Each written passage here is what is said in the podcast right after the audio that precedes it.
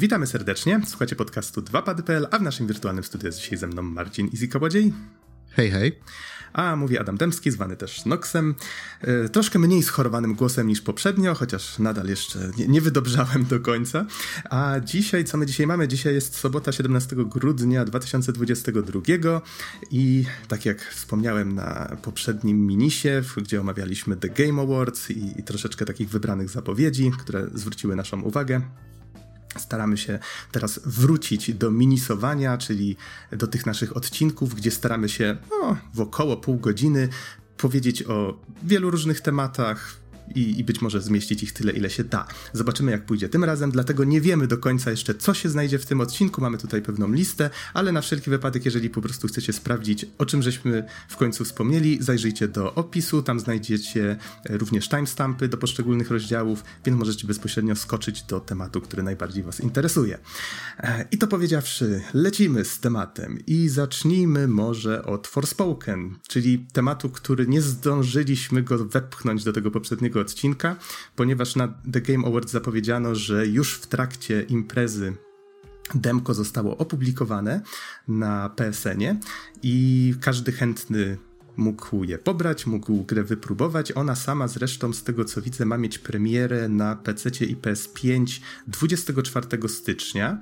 I tak, to jest ciekawe, że gra wychodzi tylko na obecną generację, nie, nie pojawi się na PS4. Ale e, czekaj chwilę, czekaj chwilę. Czy mhm. wychodzi na PC w tym samym momencie, czy na PC będzie później? Właśnie też mnie to zaskoczyło. Na wiki twierdzą, że w tym samym momencie, ale tutaj nie jestem do końca pewien, więc na wszelki wypadek się upewnijcie. E, daj mi momencik, szybko sprawdzę Steama.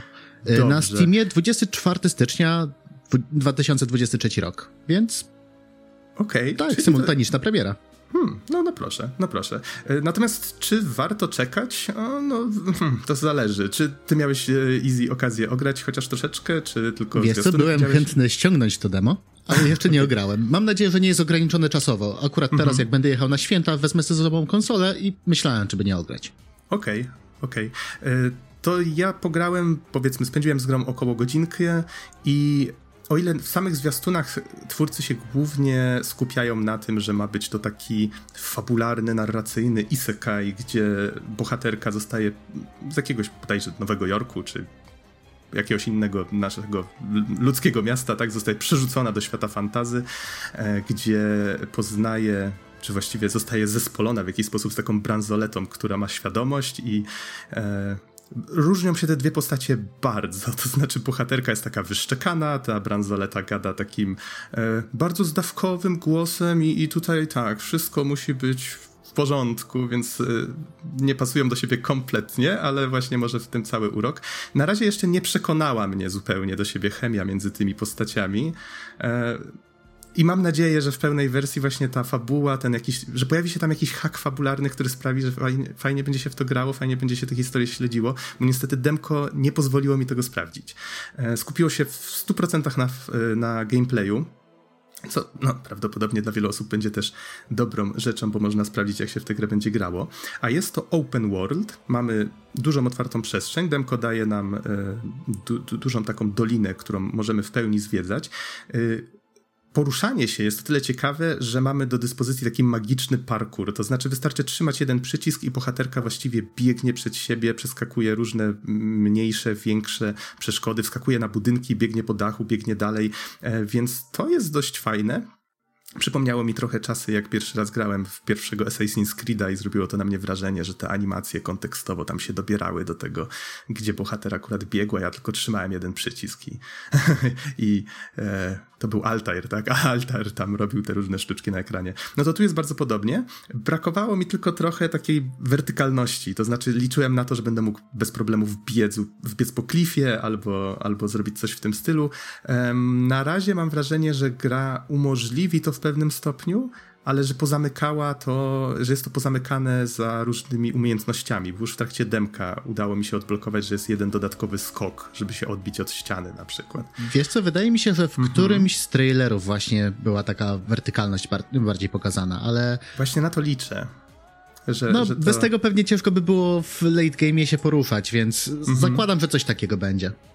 No tak, więc to, to mam nadzieję, że to, to będzie. Natomiast to, co zwróciło moją uwagę, to to, jak bardzo efektowna jest walka. Faktycznie w połączeniu z tym parkurem możemy po prostu biegać wokół przeciwników i e, robić kółka wokół nich właściwie, e, siepać jakimiś tam potężnymi czarami. Demko już tam wrzuca w jakiś fragment gry, gdzie prawdopodobnie mamy dostęp do wielu różnych potężnych czarów i e, całkiem ciekawie interfejs został pomyślany, bo możemy osobny czar wyekwipować do jednej ręki, do drugiej, jeżeli dobrze pamiętam i to mogą być czary właśnie jakieś ofensywne, jakieś takie właśnie bardziej defensywne i najbardziej spodobały mi się właśnie związane z ogniem, czy możemy jakiś tam wielki okrąg ognia wokół siebie zrobić, albo właśnie siapać tymi potężnymi kulami ognia.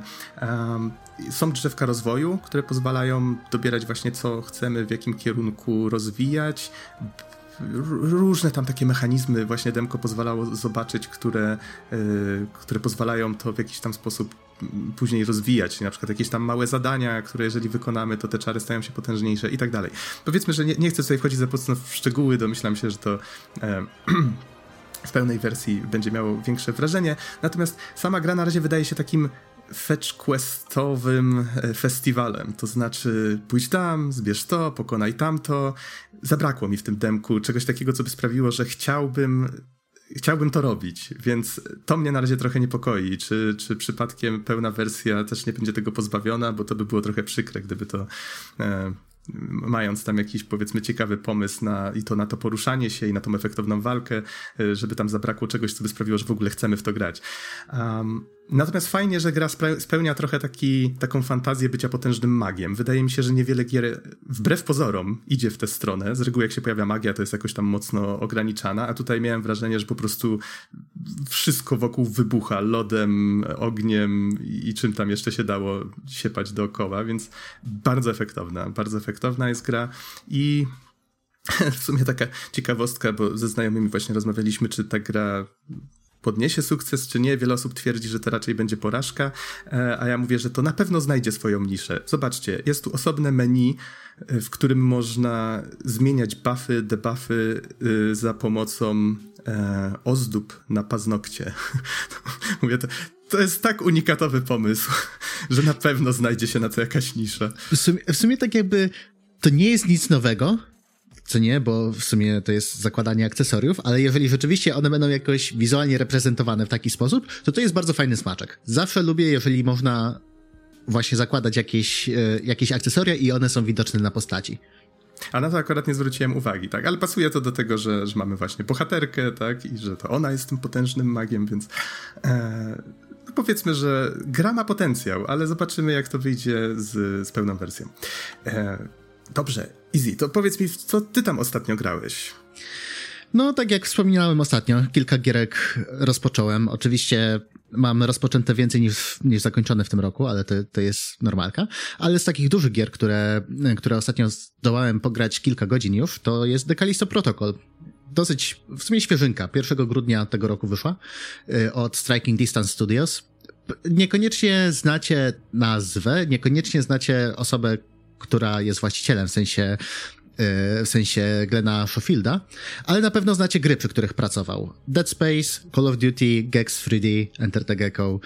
Ogólnie koleś z gigantycznym doświadczeniem w branży growej i właśnie założył Striking Distance Studios i Callisto Protocol to jest pierwsza gra od nich i widać, że to jest bardzo, bardzo mocno w stylu Dead Space'a. Nie, w sensie sam klimat to, że to jest sci-fi survival, e, survival horror, to, że mamy właśnie stację kosmiczną, na której doszło do incydentu i wszyscy się zaczynają zmieniać w potwory. E, co prawda nie ma aż takiego mocnego nastawienia jak w Dead Space jedynce, żeby właśnie pozbawiać e, te wszystkie zombiaki, potwory kończyn, ale dalej możemy to robić. E, Czyli rozumiem, że ten system jest i jakoś wpływa na zachowanie tych potworów, tak? E, jest, ale tak jakby nie jest aż tak ważny jak w Dead Space. W sensie w Dead Space, e, Dead Space rzeczywiście totalne urwanie wszystkich kończyn to, było, to była najpewniejszy, najpewniejsza tak jakby forma walki z tymi nekromorfami. Tutaj z kolei to powstrzyma je trochę, będą trochę wolniejsze, ale dalej będą atakować. I tak jakby wydaje mi się, że mają dalej tyle samo hapsów, w sensie niezależnie jak strzelamy, to mają tyle samo hapsów. Okay. I właśnie tak jak mówię, tutaj dużo ważniejsza jest walka wręcz, która jest rozwiązana w taki sposób, że e, kiedy przeciwnik na nas idzie i nas atakuje, my możemy trzymać gałkę w jednym albo w drugim kierunku i wykonamy automatyczny unik.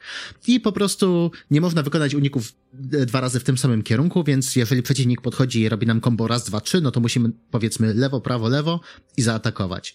I na samym początku to jest ciężkie, trzeba się po prostu przyzwyczaić do tego, yy, takiego rytmu walki, to po pierwsze, tym bardziej, że jeżeli przeciwnik ma trzyciosowe combo, a my zdodżujemy dwa i przy trzecim prób będziemy próbowali uderzyć, sami oberwiemy, a po prostu uderzają jak ciężarówki przeciwnicy.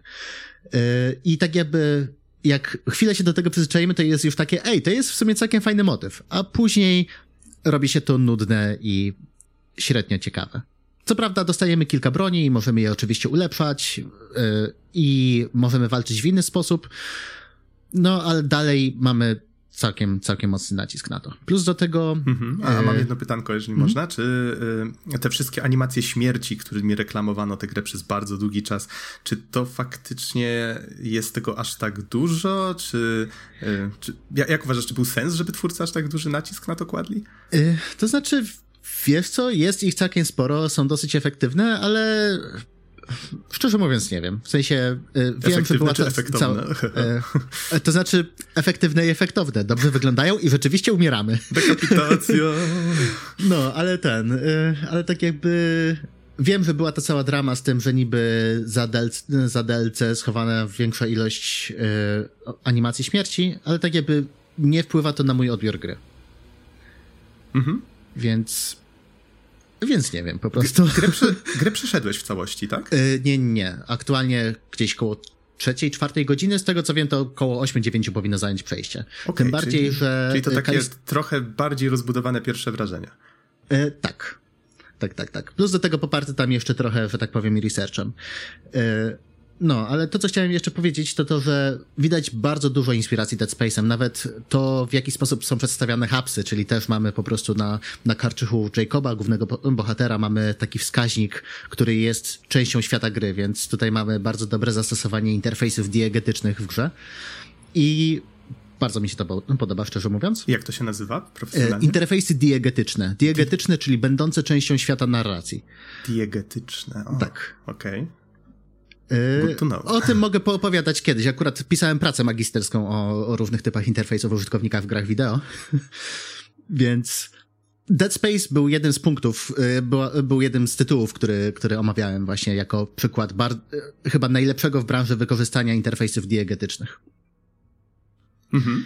No, no, dobrze, to co możesz jeszcze powiedzieć o Kalisto Protocol? Czy gra ci się właśnie podoba? Czy poleca się fanom Dead Space'a, czy niekoniecznie? Wydaje mi się, że jeżeli ktoś oczekuje czegoś lepszego od Dead Space'a, to może się trochę zawieść. Niestety ten nacisk na, e, na walkę wręcz, plus do tego to, że jest dużo bardziej liniowy niż, e, niż pierwszy Dead Space, może niekoniecznie podejść. Ale według mnie dalej to audiowizualnie to jest majstersztyk. Wygląda po prostu przefenomenalnie, animacje twarzy są, są genialne, e, sam klimat, design lokacji, dzięki temu, że jest gra jest bardziej liniowa, to mogli po prostu więcej szczegółów wlać w otoczenie. I to widać i jest naprawdę, według mnie, dobry punkt wyjściowy do jakiejś kolejnej części, żeby rozbudowywać formułę i mieć rzeczywiście jakiegoś takiego nowego Dead Space'a, że tak powiem. Yy, Niestety twórcy muszą dalej popracować. Bardzo dużo negatywnych opinii, które pojawiły, które pojawiły się w internecie, to jest y, pokłosie bardzo słabej wydajności na PC-tach. W sensie nawet najmocniejsze PC-ty miały problemy, żeby utrzymać, żeby w ogóle dobić do 60 klatek, nie mówiąc o tym, że problemy z shaderami powodowały na przykład y, zacięcia gry podczas wczytywania nowych tekstur. I to nie brzmi aż tak źle, na przykład jak wchodzimy do nowej lokacji przez chwilę jest tam lekki stater, ale w momencie, kiedy mamy jumpscare'a i gra się nagle zacina na 3 sekundy, po czym jesteśmy już w połowie drogi do, do przeciwnika, który nas zżera, to jest już spory problem.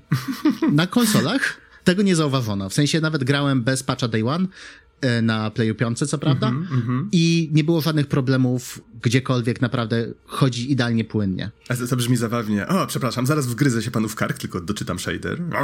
E, tak, tak. I właśnie najgorsze jest to, że idziesz sobie spokojnie, masz nagle ten dźwięk zacina się wszystko i jest, jesteś już dwa metry dalej przeciągany przez jakąś taką dziwną mackę i takie... Co się tutaj zdarzyło? W ogóle o co chodzi? Gdzie ten jumpscare? jumpscare wycięty. Um, czytałem komentarz czyjś na ten temat, gdzie bardzo fajnie jakaś osoba wytłumaczyła o co chodzi, że jeżeli kompilujemy shadery, dajmy na to na PC, to z reguły nie prekompiluje się ich ze względu na to, że użytkownik może mieć zupełnie inną kartę graficzną, nawet inne sterowniki mogą na to wpływać, więc za każdym razem po zmianie sterowników musielibyśmy powiedzmy poczekać kilka minut, aż gra przekompiluje wszystkie shadery, położy to sobie na dysku i będzie po prostu do tego miała dostęp. Natomiast na konsoli, ze względu na to, że jest tylko no, jedna niezmieniająca się karta graficzna, to po prostu zrobiono to raz i, i gra czerpie z tego. Dlatego na konsoli ten problem nie istnieje. No ale tak, e, zwróciło Tak, co więcej, to... chciałbym mhm. jeszcze dorzucić, że DirectX 12 ma problemy właśnie z kompilacją shaderów w locie i okay. to też jest trochę ten problem, plus do tego niektóre, e, szczególnie te wyższe modele RTX-ów z serii 3000 też mają z tym problemy. Więc tak jakby tutaj jest, kilka rzeczy się nawarstwiło i przez mhm. to to tak wygląda. Tak, no i, I zwróciło jeszcze... to uwagę ludzi na to, że okej, okay, ale to w takim razie może jednak dalibyście nam opcję, że tak, chcę przekompilować shadery teraz, poczekać te parę minut, ale żeby potem gra działała płynnie. E, niektóre gry robią tak od razu. Na przykład mhm. E, Monster Hunter Rise wydany na PC, jak odpalamy za pierwszym razem lub po każdym patchu, to wtedy jest prekompilacja shaderów, która trwa do kilku minut i później już nie spotykamy się z czymś, ta z czymś takim. A Więc jednak, no to... to jest bardzo spoko, a na mhm. przykład niektóre platformy, tak jak Steam Deck, mają bazę prekompilowanych shaderów już tak jakby trzymaną przez Steama, więc czasami jak odpalam sobie właśnie Steam Decka i patrzę, co się zaciąga, to na przykład zaciąga się nowy patch do gry, a chwilę potem, że są zaciągane prekompilowane, prekompilowane shadery, żeby nie trzeba było czekać przy odpaleniu, bo to jest o. de facto ta, ta sama konfiguracja sprzętowa dla wszystkich Steam Decków. Stwierdzili, że dużo szybciej będzie pobrać te informacje, niż by Steam Deck sam to policzył? Tak. Ciekawe. No wiesz, tak jakby skompilowane te informacje nie zajmują aż tak dużo miejsca, więc wysłanie tego, w sensie trzymanie tego w chmurze i po prostu zaciąganie odpowiedniej wersji to jest to jest chwilka. No, no tak, no w sumie przecież Steam Deck też jest sprzętem, który się nie zmienia, więc e, tak, no dokładnie. Tak, tak, ma to sens, zdecydowanie.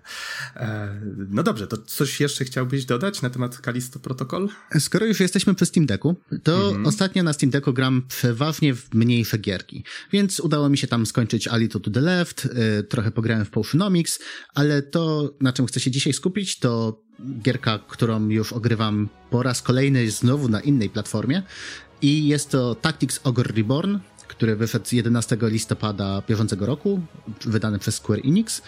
I jest to remake Tactics Ogre Let Us Cling Together, yy, taktycznego JRPG, który już wyszedł Pierwsza premiera była na SNESie 6 października 1995 roku. E, później wyszło jeszcze na Sega Saturn i na PSX-a w kolejnych latach. I jeszcze na PSPK wyszedł remaster 11 e, listopada 2010 roku. I to ponoć na tej wersji jest oparta, ten Reborn jest oparty, yy, tak? I tak, i nie, bo każda wersja jest trochę inna mechanicznie. I każda wprowadza, to znaczy inaczej, każdy remaster wprowadził jakieś inne zmiany do formuły. Więc tutaj yy, bardzo dużo dyskusji w necie to jest pod tytułem, którą grę powinienem wybrać, żeby mieć Ultimate Experience. A każdy mówi, ok, dobra, jeżeli szukasz mega wyzwania i żeby było super ciężkie, bierz podstawkę. Jeżeli chcesz yy, grindowania i y, wbijania tak jakby ten y, y, grindowania itemów i grindowania skilli i tak dalej, i tak dalej, no to bierz wersję z PSPK. Jeżeli chcesz najwięcej quality of life i takich relatywnie uproszczeń i mechanicznych, ale też wprowadzenie na tylu zmian, żeby to dalej było przyjemne i dosyć ciężkie, to bierz najnowszą. I według mnie naj, najlepiej mi się aktualnie gra w najnowszą część, bo jest najmniej grindowania, najmniej takiego specjalnego po prostu wbijania jakichś itemków i tak dalej. Plus do tego trochę poprawione sterowanie, trochę poprawiona oprawa, yy, nowy soundtrack, w sensie ponownie nagrany orkiestralny soundtrack i jest jest świetne. W sensie naprawdę polecam dla fanów taktycznych RPGów. Tym bardziej yy, to jest japoński RPG, który wybija się trochę narracją. W sensie y, mamy trzy różne ścieżki fabularne, tak jakby. Trzy ruty tam jest. Y, nazywają się Lawful, Neutral and, and Chaotic. I w zależności od naszych decyzji, które potrafią być naprawdę ciężkie, no, gra się może potoczyć trochę inaczej. I jako, że to jest, y, że fabuła jest bardzo mocno inspirowana rzeczywistymi y, konfliktami wojennymi, między innymi tymi w Syrii, Syrii Azerbejdżanie, Armenii czy, czy Jugosławii, to możecie się domyślić, że to nie są dobre wybory i to są ciężkie wybory. Nie chcę wchodzić zbytnio w spoilery, oczywiście, ale to jest. Tutaj główny bohater jest napisany tak, że wcale nie jest ani dobry, ani nie jest zły, tylko to jest, jest formowany po prostu przez decyzje i wydarzenia, które są dookoła niego. I nie możemy tutaj mówić o takiej czystej czarno-białej moralności. Co się nieczęsto mhm. zdarza w JRPG-ach, wydaje Ale to brzmi bardzo ciekawie. W ogóle zajebista sprawa, jaki nagle mamy powrót taktycznych gier e, RPG, czy to właściwie japońskich gier RPG, bo nawet z nowych rzeczy w tym roku raptem wyszło Triangle Strategy, też od Square Enix, teraz przywrócili Tactics Ogre. Um... Diafield Chronicles też wyszło od Square Enixa, a z takich powiedzmy indie gierek, e, mhm. bardzo mocno inspirowanych właśnie taktycznymi RPGami, wyszło jeszcze e, Muszę się chwilę zastanowić, jak to się nazywało. To ja w tym czasie powiem, że jeżeli ktoś woli science fiction, a nie fantazy, hej, powróciło Front Mission, więc zresztą mamy odcinek na temat e, remake'u, który wyszedł całkiem niedawno, więc Zapraszamy. Nie jestem sobie w stanie przypomnieć, jak to się nazywa. Jak, jak przypomnę sobie, to dam znać, ale właśnie to, co było dla mnie bardzo interesujące, to tak jak Nintendo mówi, że o nie, bo tutaj przez rzeczywiste konflikty wojenne, które się aktualnie dzieją, nie będziemy wydawali e, remastera. Mówisz e, o Advance Warsie? E, tak, mówię o Advance Warsach. A, no to tak, tak, nie, tak, bo to nie Więc ten... właśnie tak mówili, że o nie, bo to jest zbyt blisko tutaj rzeczywistości, uderza i tak dalej. A Square Enix w międzyczasie, wiecie co, no to tutaj Front Mission, to będzie jedna gra wojenna, którą przedstawimy. Tutaj jeszcze wrzucimy Triangle Strategy, tutaj jeszcze Diafield Chronicles, a w sumie, o właśnie, rzeź bośnieńska, o dawaj tutaj, Tactics Ogre, zapraszamy. Okej. Okay. I według mnie to, to też jest ważne. Nawet w takich ciężkich czasach, jak mamy dzisiaj, warto rozmawiać o takich tematach i tym bardziej, jeżeli mamy interaktywne medium, które może w trochę bardziej właśnie w interaktywny sposób opowiadać takie straszne historie, według mnie to, to dalej jest ważne dla kultury, żeby, żeby po prostu mówić o czymś takim, a nie na zasadzie, że o nie, bo, bo teraz nie powinniśmy. Mhm. No tak, tak, jak najbardziej masz rację. Przy czym wydaje mi się, że w przypadku Advance Wars ja dawno nie grałem w tę grę, ale domyślam się, dlaczego Nintendo mogło się zdecydować na taki ruch, bo tam jednak ta wojna jest traktowana trochę jak taka zabawa na, na pograniczu właśnie takiej mm, bajki dla dzieci. No tak ciężko, ciężko to może było zmieścić akurat w aktualne wydarzenia i trochę się przestraszyli. E, zwłaszcza, że tam chyba jeden z pierwszych przeciwników jest trochę inspirowany e, właśnie Rosją, więc e, no, a, okej. Okay. No, nie pamiętam tak, aż to, takich szczegółów, ale... To rzeczywiście, ale dalej wydaje mi się...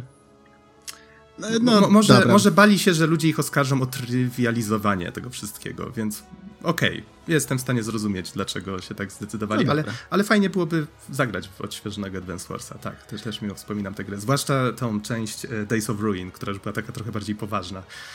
To, to był naprawdę udany, to była udana gra na DS-a, jeżeli dobrze pamiętam. Okej, okay, mhm. ale odbiegłem trochę za daleko. To co tam jeszcze o Tactics Ogre? Reborn? E, wydaje mi się, że to tyle.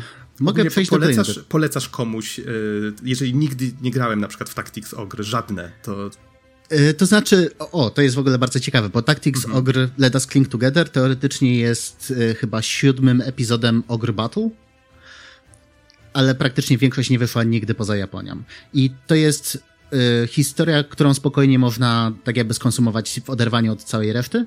I jeżeli lubisz taktyczne RPG typu właśnie tam, typu Final Fantasy Tactics, będzie tego chyba najbliżej, to, to polecam. Nie? W sensie to jest bardzo dobra historia, bardzo dobry, dobry JRPG, potrafi być naprawdę, naprawdę trudny momentami i przez to frustrujący, ale i to tak wydaje mi się, że dzięki tym wszystkim usprawnieniom quality of life i zmianom systemowym udało się to jakoś dalej mieć pod kontrolą.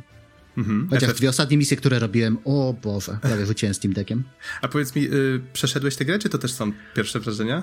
Y, aktualnie jestem gdzieś tak w trzech czwartych gry, więc okay. y, Kiedyś już, już przechodziłem y, właśnie w wersji na PSP i teraz Bardzo. sobie odświeżam przed snem, tak akurat. Mhm. Final... rzeczy przed spaniem. A tak jeszcze odpowiadając na pytanie, Final Fantasy Tactics niestety nie ograłem, nadal gdzieś tam pamiętam, bo kojarzę, że wiele osób bardzo tę grę sobie ceni właśnie za fabułę, setting i, i masę innych rzeczy, więc kiedyś pewnie ruszę.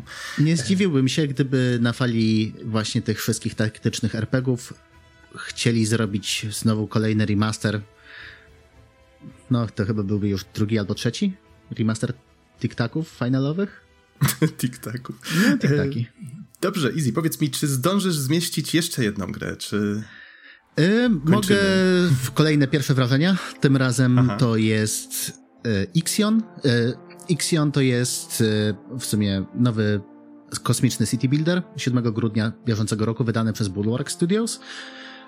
Przypomina nieco takiej, nieco Frostpunka rodzimej produkcji, więc fabularnie jest, dostajemy fuchę jako administrator na, na stacji kosmicznej, która nazywa się Tycoon i naszym zadaniem jest wbić na tą stację, zapewnić tam trochę miejsca dla ludzi i przetestować nowy taki e, układ, e, nowy silnik, e, który pozwala właśnie podróżować nad świetlną.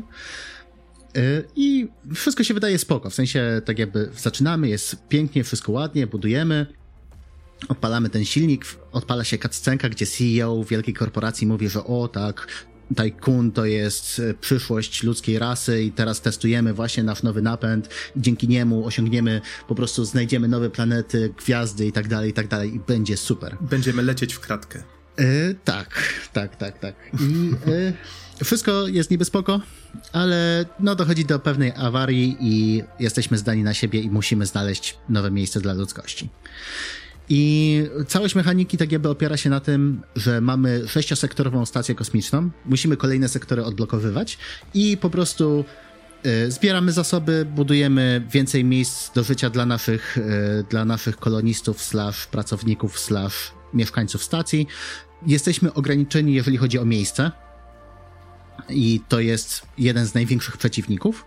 No i oczywiście musimy pozyskiwać nowe zasoby, zarówno produkując, po prostu zbierając, e, zbierając je przez takie statki, e, które działają jak w sensie wykopywać na asteroidach po prostu różne, różne surowce i je przetwarzać, albo latać statkami naukowymi na różne planety, gdzie też mamy dykteryjki, w sensie mamy takie krótkie, mamy paragrafówki, gdzie możemy dokonywać pewnych wyborów, które wpłyną na, czy to na e, właśnie naszych naukowców, czy to nawet na naszą całą stację. Więc tak przed e, nagrywaniem, jak Easy mi powiedział właśnie o tym Xionie i tak, kurczę, co to jest? Pierwszy raz o tym słyszę. I tak spojrzałem na to i a, to jest... I tutaj zacząłem szukać, bo oczywiście zapomniałem tytułu. Startopia. Gra z 2001 roku, też właśnie o budowaniu wewnątrz takiego e, pierścienia E, na stacji kosmicznej. I też się odblokowuje sektory, z tego co pamiętam, więc tak, jest bardzo dużo podobieństw. Zresztą dzisiaj żeśmy odkryli, że wyszła gra Space Base Startopia, e, chyba w zeszłym roku nawet. Więc tak, jak ktoś byłby zainteresowany tego typu grami, to najwyraźniej jest już nawet kilka do wyboru. Tak, co więcej, wiesz, tak jakby to nie jest, to nie jest nowy pomysł, żeby stacje kosmiczne budować w taki sposób. Yy, popatrzmy nawet na Cytadelę z Mass Effecta. To też była stacja budowana na pierścieniu, nie? bo dzięki temu, że, to, że mamy de facto centryfugę, to możemy sobie wytworzyć grawitację, prawda? Tak, tak, tak. Ja zdaję sobie sprawę, że jeżeli chodzi o fikcję naukową, to jest to coś, o czym się myśli i kto wie, być może kiedyś stacje kosmiczne faktycznie będą tak powstawać. E, po prostu zwracam uwagę, że, że identyczny pomysł na grę już się, już się pojawił, chociaż one trochę tam się różnią. Startupy na przykład dla różnych ras obcych budujemy y, takie, takie miasto, gdzie, znaczy miasto, czy właściwie stację postojową, gdzie gdzie zapewniamy im tam różne rozrywki. Tak, a tutaj y, naszym głównym celem jest właśnie znalezienie planety, na której ludzkość może się znowu zadomowić. Więc y, mamy taki dosyć mocny. Mocno gra jest napędzana po prostu narracyjnie. Mamy naprawdę niezły voice acting. Mamy właśnie kilka takich paragrafówek napisanych, to znaczy kilka, mamy dużo takich paragrafówek napisanych yy, i Oprócz tego jeszcze to, o czym muszę wspomnieć, to audiowizualnie gra wygląda świetnie. Możemy zarówno tak jakby poruszać się po samej stacji wewnątrz i patrzeć, co się, co się dzieje. Możemy patrzeć z zewnątrz, jak to wszystko wygląda i budować nowe panele słoneczne. Yy, oraz do tego mamy yy, widok taki układu słonecznego, gdzie możemy się poruszać naszymi, naszymi statkami i tam przewozić najróżniejsze rzeczy. I więc wizualnie jest świetnie, audio, muzyka po prostu daje świetny klimat, nie? Nie sądziłem, że aż tak mocno we mnie uderzy to, jak, jak dobrze jest po prostu dobrany soundtrack do, do, do całości. Mega polecam. Ale to, co może się nie spodobać ludziom i co też mnie czasami frustruje, to niestety krzywa trudności jest bardzo jest bardzo dziwna. W sensie już dwukrotnie musiałem wracać do poprzedniego save'u, bo po prostu źle ustawiłem budynek, nie zauważyłem, że coś tam blokuje i okazało się, że w ciągu kilku cykli po prostu straciłem na tyle dużo surowców, że nie byłem w stanie się z tego odkopać, więc byłem softlockowany i musiałem wracać. Czasami, jeżeli będziemy szli w rozwijanie pewnych technologii, które nie są nam niezbędne do przeżycia, to może się okazać, że zabraknie nam punktów nauki, i softlockujemy się i sorry, ale game over i musimy się znowu wracać. Więc przydałoby się trochę albo dostęp do poziomów trudności, albo właśnie trochę balansu w, w tej zwykłej kampanii, tak żeby można było, nie trzeba było się aż tak martwić o niektóre rzeczy. Choćby to jesteśmy bardzo ograniczeni, jeżeli chodzi o ilość miejsca na, na naszej stacji kosmicznej i przenoszenie budynków byłoby świetne ale niestety aktualnie tego nie ma. Co więcej, często jak chcemy rozebrać budynek, musimy mieć miejsce do przechowywania wszystkich jego komponentów, w sensie tych podstawowych surowców, żeby w ogóle go rozebrać do końca, żeby cokolwiek zbudować, więc wszystko trwa dosyć długo. I no jeżeli, czasami jeżeli nie wyrobimy, to sorry, ale game over i wracaj się. Przesuwania budynków by się zachciało, jakby to powiedział hydraulik e, w Bioshocku na dnie oceanu. Panie Ryan, jak w tym mieście coś zacznie przeciekać, to już nie przestanie. Pamiętam taką jedną kwestię w Bioshocku, bardzo mi zapadła w pamięć. Um, w sumie tam w kilku miejscach przeciekało. Owszem, owszem. E, powiedz mi, czy to jest early access? Czyli jest szansa, że e, nie, twórcy nie, nie. to dodadzą? To jest już pełny release. Okej. Okay, ale okay. dalej jest szansa, że po prostu mogą to wpaczować. Mhm, rozumiem. To czy polecasz, jak ktoś lubi gry związane z zarządzaniem, czy niekoniecznie? Jeżeli podobał wam się Frostpunk albo jeszcze Cliff Empire, kolejny city builder y, sci-fi, to polecam. W sensie jest fajny, co prawda może frustrować właśnie to, że czasami jest taki min-maxerski, że po prostu trzeba się cofnąć do wcześniejszego save'a, żeby zagrać optymalnie, bo inaczej nie przejdziemy dalej, ale dalej tak jakby i audiowizualnie, i klimatem, i narracją naprawdę mega trzyma poziom i i według mnie warto, warto dać mu szansę. Okej. Okay. I wydaje mi się, że tym akcentem możemy już kończyć ten odcinek um, i zapraszamy Was na kolejne minisy czy inne odcinki, chociaż wydaje mi się, że kolejnym odcinkiem być może będą już nasze złote grzybki. Zobaczymy jeszcze. Ten odcinek prawdopodobnie pojawi się między Bożym Narodzeniem a Sylwestrem, jeżeli wszystko pójdzie dobrze. Tak więc mamy nadzieję, że będziecie mieli szampańską zabawę sylwestrową i życzymy Wam od razu zawczasu szczęśliwego nowego roku. I czy Easy coś jeszcze chcemy dodać? I jeszcze wesołych świąt. Wesołych świąt to z naszej perspektywy, ale domyślam się, że A, jak tego tak, słuchacie, tak, tak to, to, yy, to, ja chciałbym tylko dodać to, że do zobaczenia w nowym roku i mam nadzieję, że dalej zaszczycicie nas swoją obecnością na naszych podcastach. Dokładnie. Zapraszamy na naszą stronę. Dziękujemy wszystkim, którzy wspierają nas na Patronajcie. Zapraszamy na kolejne odcinki. Trzymajcie się. Hej, hej.